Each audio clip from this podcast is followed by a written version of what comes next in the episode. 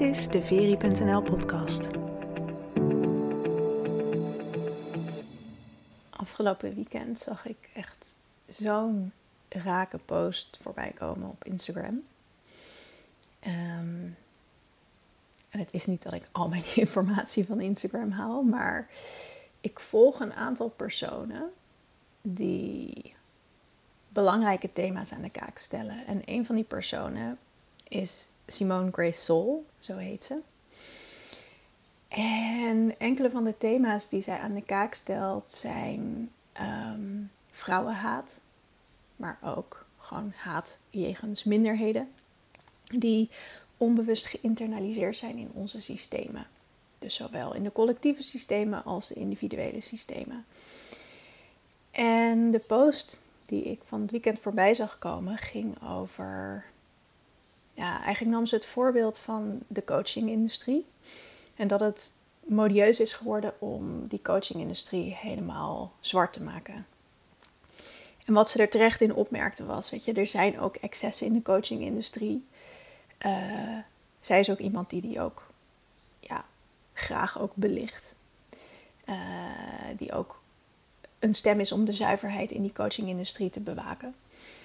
Um, maar ze zegt, het is wel echt heel interessant om te zien dat zo'n hele industrie um, wordt zwart gemaakt, terwijl het juist de plek is waar de meeste vrouwen in werken.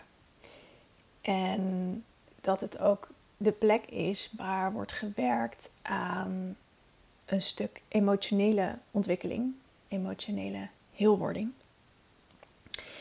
En dat op de een of andere manier het dus verleidelijk is dat we, ja, dat we dat afvlakken en aanvallen. En ze zei, I bet you all my money, dat als die coachingindustrie zou worden geleid door mannen, met name witte mannen, dat er heel wat meer acclaim, ja, lofzangen zeg maar, in zouden zijn verweven. En de grap is ook dat de mensen die echt heel succesvol zijn in de coachingindustrie, waar ook een soort van juichend naar wordt gekeken, vaak ook weer witte mannen zijn. Dus dat is natuurlijk wel interessant gegeven. Um, en nou wil ik niet op de discussie ingaan rond dit thema specifiek, want dat is eigenlijk niet waar ik je in deze aflevering in mee wil nemen. Maar ze, ze lichtte iets uit in haar post wat heel erg bij mij bleef hangen. Want wat ze namelijk zei is van ja, um, eigenlijk de reden waarom we dit doen en, en heel veel mensen nemen hier ook onbewust aan deel, is terug te voeren op vrouwenhaat. En ze noemt dan eigenlijk uh, het voorbeeld van find the witch and burn the witch. Maar ook een soort wedstrijd um, om te zien who is the purest of them all. Dus het is van ja, weet je, ik, I'm in the clear, want ik ben puur. En we moeten de ander moeten we eigenlijk laten veroordelen, want dan ben ik veilig. En um, ja, het zette me zo aan het denken, omdat ik me besefte dat dit iets is wat de laatste, het laatste jaar, denk ik, behoorlijk in mijn blikveld voorbij komt. Waarbij er op alle lagen van onze expressie naar buiten toe. En ik generaliseer hier natuurlijk. En er zijn ook, uh, daar zijn natuurlijk ook uitzonderingen in. Maar laat ik gewoon eventjes generaliseren om het voorbeeld aan te stippen. Het is namelijk dat, ehm, dat er een heel grote geneigdheid is om te gaan vingerwijzen naar het een. Om jezelf als individu en soms ook als groep uh, beter te doen uitkomen. En in het Engels is daar een term voor, dat heet namelijk virtue signaling. Ik geloof, geloof dat uh, ze in het Nederlands dat vertalen naar uh, deugd, deugddoenen, deugddoenerij. Um, die eigenlijk is ontstaan vanuit de politieke hoek. Namelijk dat het heel makkelijk is om te zeggen: diegene is een vervuiler. Uh, en ik doe alles goed. Uh, diegene is een racist en ik doe alles goed. Diegene discrimineert en ik doe alles goed. Uh, maar die ik eigenlijk ook doorgetrokken zie worden in de coachingindustrie. Zoals Simone dat ook uitlichtte. Maar ook bijvoorbeeld in de spirituele community. Waarin er wordt gezegd van ja, nee, al dat, dat spirituele werk, doet het helemaal verkeerd. Je moet naar mij toe komen, want ik snap hoe het werkt. En ja, dit is even een, een grove generalisatie, want iedereen heeft daar, ja, er zijn verschillende soorten boodschappen die mensen erin aanhangen. Trouwens, ook in de New Age versus uh, de, de meer religieuze, meer christelijk getinte uh, uitingen, zit er ook een hele grote van de New Age is kut. Maar Jezus, Jezus is goed. En ik volg Jezus, dus ik ben goed. En het fascineert mij gewoon mateloos dat dit is wat er gebeurt. En aan de ene kant maak ik direct mezelf schuldig door precies hetzelfde te doen. Door deze podcast op te nemen, deze episode op te nemen. Omdat ik eigenlijk nu virtue signaling aan het virtue signalen ben. dus laat ik daarin ook vooral de hand in eigen boezem steken. Ehm, want ja, ik zal eerlijk zijn, daar zit ook een stukje trigger van mezelf in. En daar zal ik zo meteen nog op terugkomen. Maar het is ook dat het mij gewoon mateloos fascineert dat er een tijd is ontstaan waarin we het zo nodig hebben om te kunnen aanwijzen wat niet voor ons is, zodat we dichter bij onszelf kunnen komen. En dit is eigenlijk iets wat juist ook een hele positieve kant heeft. Ook een hele goede en een uh, stimulerende beweging is. Want het, de enige manier waarop we kunnen weten wat we wel willen, is er ook heel duidelijk te hebben wat we niet willen. De enige manier waarop we het licht kunnen kennen, is door het donker heen. Dus het is dankzij het donker dat we het licht kunnen kennen. Het is dankzij de dingen die we niet willen dat we kunnen voelen wat we wel willen. Um, en een van de dingen die we echt op een onbewuste laag willen, maar waar de hele collectieve energie op stuurt, is dat we dicht willen komen bij onszelf en onze eigen expressie. Um, dus aan de ene kant is het prachtig dat dit gebeurt. En tegelijkertijd wat me opvalt is dat er ook ergens een behoorlijke strijd in schuil gaat. Uh, waarin mensen heel hard moeten schoppen tegen het een en misschien nog harder moeten schreeuwen om zichzelf uit te lichten. Um, en die, die strijd die maakt eigenlijk dat het minder aantrekkelijk wordt om naar iemand te luisteren. En dat het, ja, aan de ene kant moet je er, moet je, ga je doordat iemand harder schreeuwt, ga je misschien ook beter luisteren. Maar aan de andere kant uh, creëert dat natuurlijk ook weer een bepaalde mate van verdeeldheid.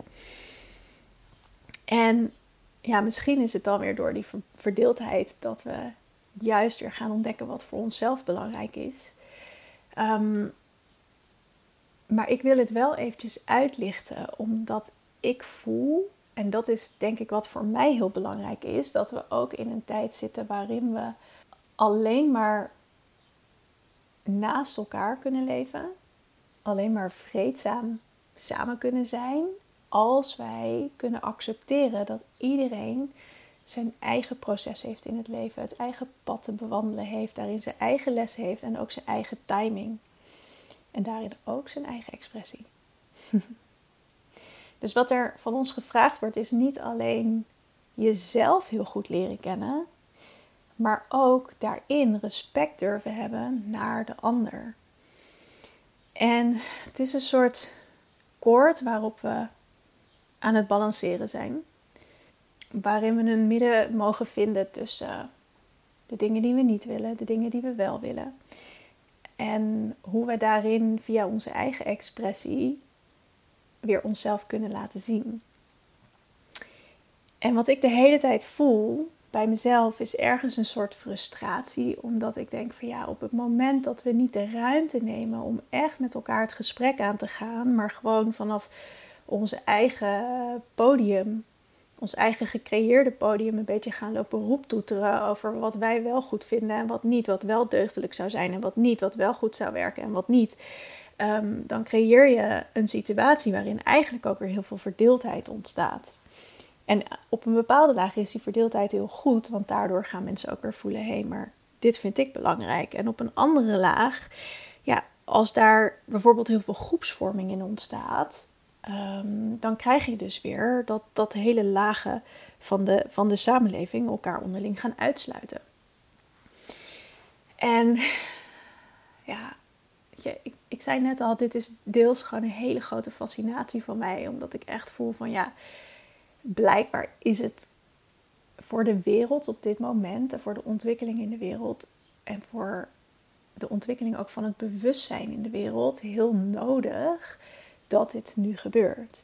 En aan de andere kant, wat ik er heel erg in voel, is dat het des te belangrijker is dat we voor onszelf gaan onderscheiden waar wij echt voor staan en wie wij echt zijn en wat wij echt belangrijk vinden, zonder dat we daarin um, hoeven te strijden met de ander. Want pas op het moment dat we helemaal oké gaan zijn met wie wij zijn en gaan geloven dat wij volledig bestaansrecht hebben om ook ons te uiten in de expressie van wie we zijn, pas dan ontstaat eigenlijk de ruimte waarin je ook helemaal op een oprechte voet en op een zekere voet ook met de ander kan verbinden. Dus wat ik er deels ook in waarneem is dat er een heleboel interne wonden achter schuil gaan, een heleboel onzekere triggers uh, aan verband te houden, maar ook bepaalde oude programmering in verweven zit. En ik denk dat ik deze podcast-episode dus deels wilde opnemen om de uitnodiging bij jou als luisteraar neer te leggen. Om eens te voelen bij jezelf van ja, waar heb ik nog de neiging om mezelf beter voor te doen dan de ander? En kan ik daarin eens voelen waar dat vandaan komt? Wat er dan in mij nog onzeker is, wat er dan in mij geraakt wordt. En ik heb natuurlijk deze exercitie ook even voor mezelf gedaan.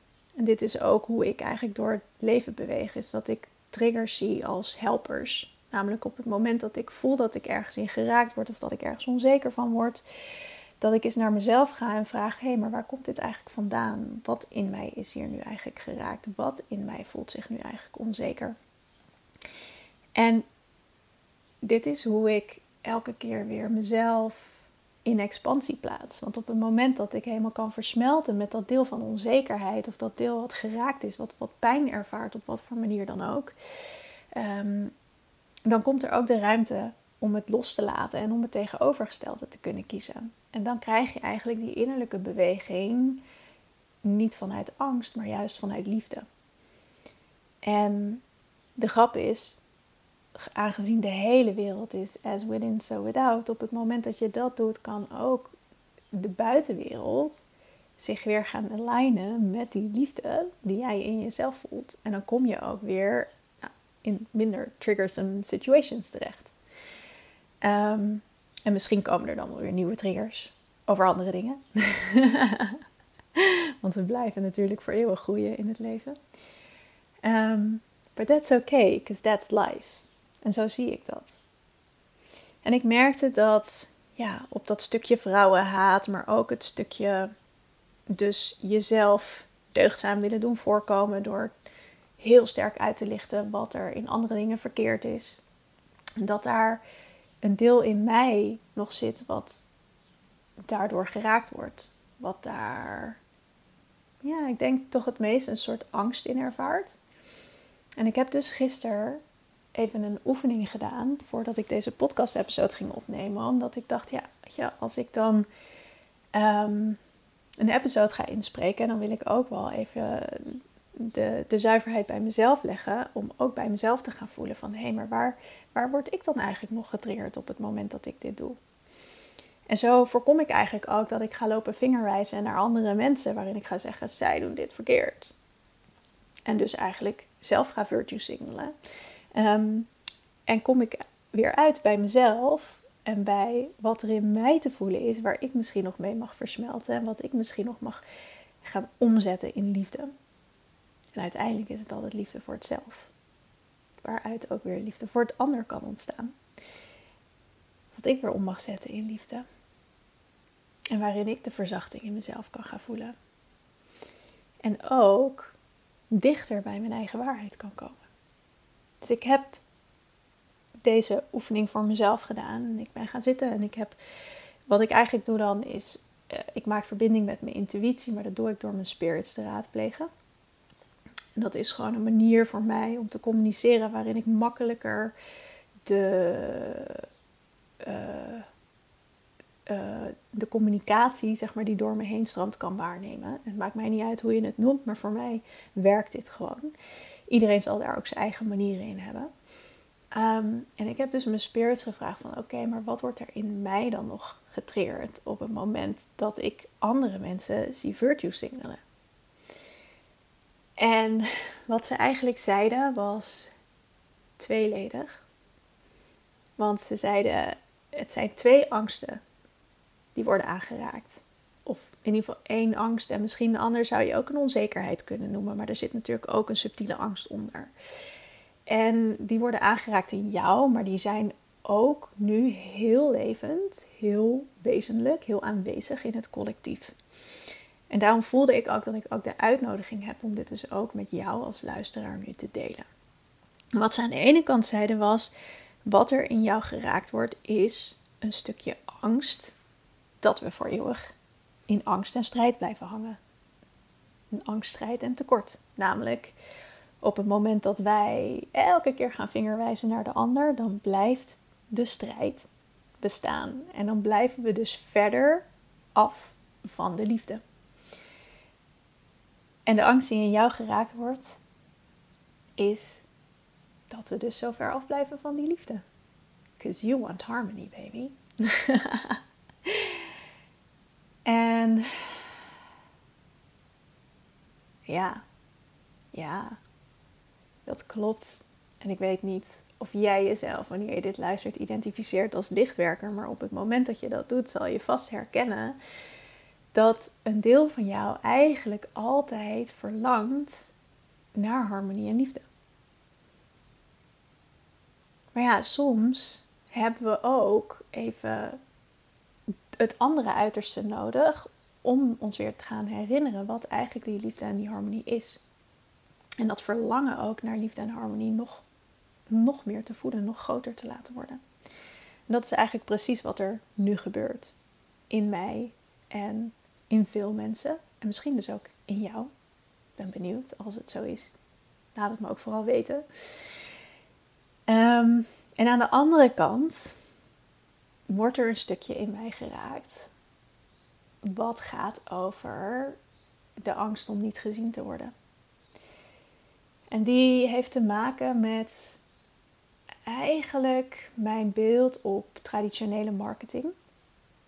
En voor de ondernemers onder ons. Ehm, misschien ben je er bekend mee dat eigenlijk de afgelopen decennia, misschien langer zelfs, uh, dat er in de marketing echt een hele grote beweging is geweest. Waarin we ervan uit zijn gegaan dat het pijn de beste motivatie is voor mensen om iets te kopen. Dus als je veel uh, business coaches, uh, als, je, als je business coaches volgt of als je veel kijkt naar bijvoorbeeld online marketeers, zal je zien, en ook in positionering zal je zien dat er heel veel mensen propageren dat je moet gaan zitten op waar iemand pijn ervaart. En dat je vanuit de pijn dus kan gaan kijken naar de voordelen die diegene kan behalen wanneer die met jouw product of jouw dienst in aanraking komt. En wel interessant, want dit is ook iets waar bijvoorbeeld Simone Grace Soul, die ik aan het begin van de podcast um, uh, benoemde, waar zij zich ook heel sterk tegen ageert, omdat zij voelt van ja, dit is ook deels de oude wereld. Dit is deels uh, het toxische kapitalistische systeem waarin continu um, geld wordt verdiend aan de wonden van anderen. En dit is iets wat we echt mogen gaan shiften, omdat het gewoon niet meer past in de huidige tijd. En wat ik dus ook heel sterk voor mezelf voel de afgelopen jaren, is dat er iets aan het shiften is. Niet alleen in de wereld, maar bijvoorbeeld ook in mij, waarin ik veel meer een verlangen voel om te werken met mensen die gewoon echt diep van binnen voelen dat ze, dat ze bij mij moeten zijn. En niet omdat ik via slimme marketing trucs een bepaalde funnel inlul, een bepaalde trechter. Uh, of een bepaald overtuiging, uh, overtuigingsmechanisme in ze aanraak. Um, door even lekker in hun wonden te gaan vroeten en in hun ongemak en in hun pijn. Um, maar eigenlijk doordat mensen gaan voelen, ja, maar wat zij heeft, die bubbly, joyous, hmm, zin in het leven energie, waarin je gewoon het hele leven volledig op durft te slurpen en helemaal jezelf in durft te zijn, die wil ik ook. En, um, en ik voel dat wanneer ik met haar ga zijn, dat ik daar een stukje van meekrijg. Maar op mijn eigen magische manier. Omdat wanneer ik mij hieraan ga overgeven, je wil niet weten wat voor magie er dan gaat ontstaan. Maar er leeft dus ook een deel in mij dat dat nog niet helemaal gelooft. Waarom? Omdat het heel lang niet zo is geweest. dat eigenlijk de theorieën anders spreken. Ehm, maar ook omdat op een zekere laag voor mij de proof nog niet helemaal in de pudding zit. Dat ik nog niet helemaal heb gezien dat dit ook werkelijk werkt. Dat dit ook werkelijk de resultaten oplevert waar ik stiekem heel erg naar verlang. En ja. Ik heb dit natuurlijk ook eventjes besproken met mijn spirits. Die aangeven van ja, waar geloof jij dan zelf nog niet dat dit daadwerkelijk werkt? Want blijkbaar is er iets in jou dat alleen maar durft te geloven in dat oude model. Dat alleen ja, durft te geloven in wat hij daadwerkelijk al heeft gezien dat werkt. Maar ja, zoals alles in het universum werkt, is het eerst geloven en dan zien. Dus niet eerst zien dan geloven, maar het werkt andersom. Eerst geloven en dan zien. Dus waar geloof jij dan zelf nog niet dat het werkt? En ik voelde daarbij ook meteen, ja, de enige reden dat ik dat niet geloof is omdat er heel veel mensen zeggen eh, dat het niet werkt. En dat ik het dus nog bij weinig mensen ook heb zien werken. En tegelijkertijd besef ik me het helemaal niet waar, want ik heb het bij heel veel mensen al zien werken. Ik zie het ook bij heel veel mensen werken.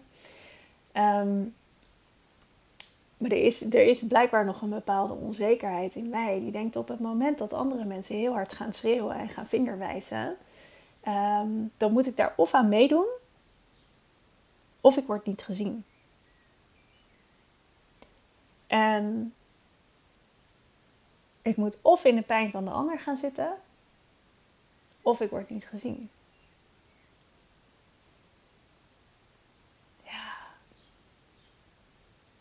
En de vraag is, is dat waar?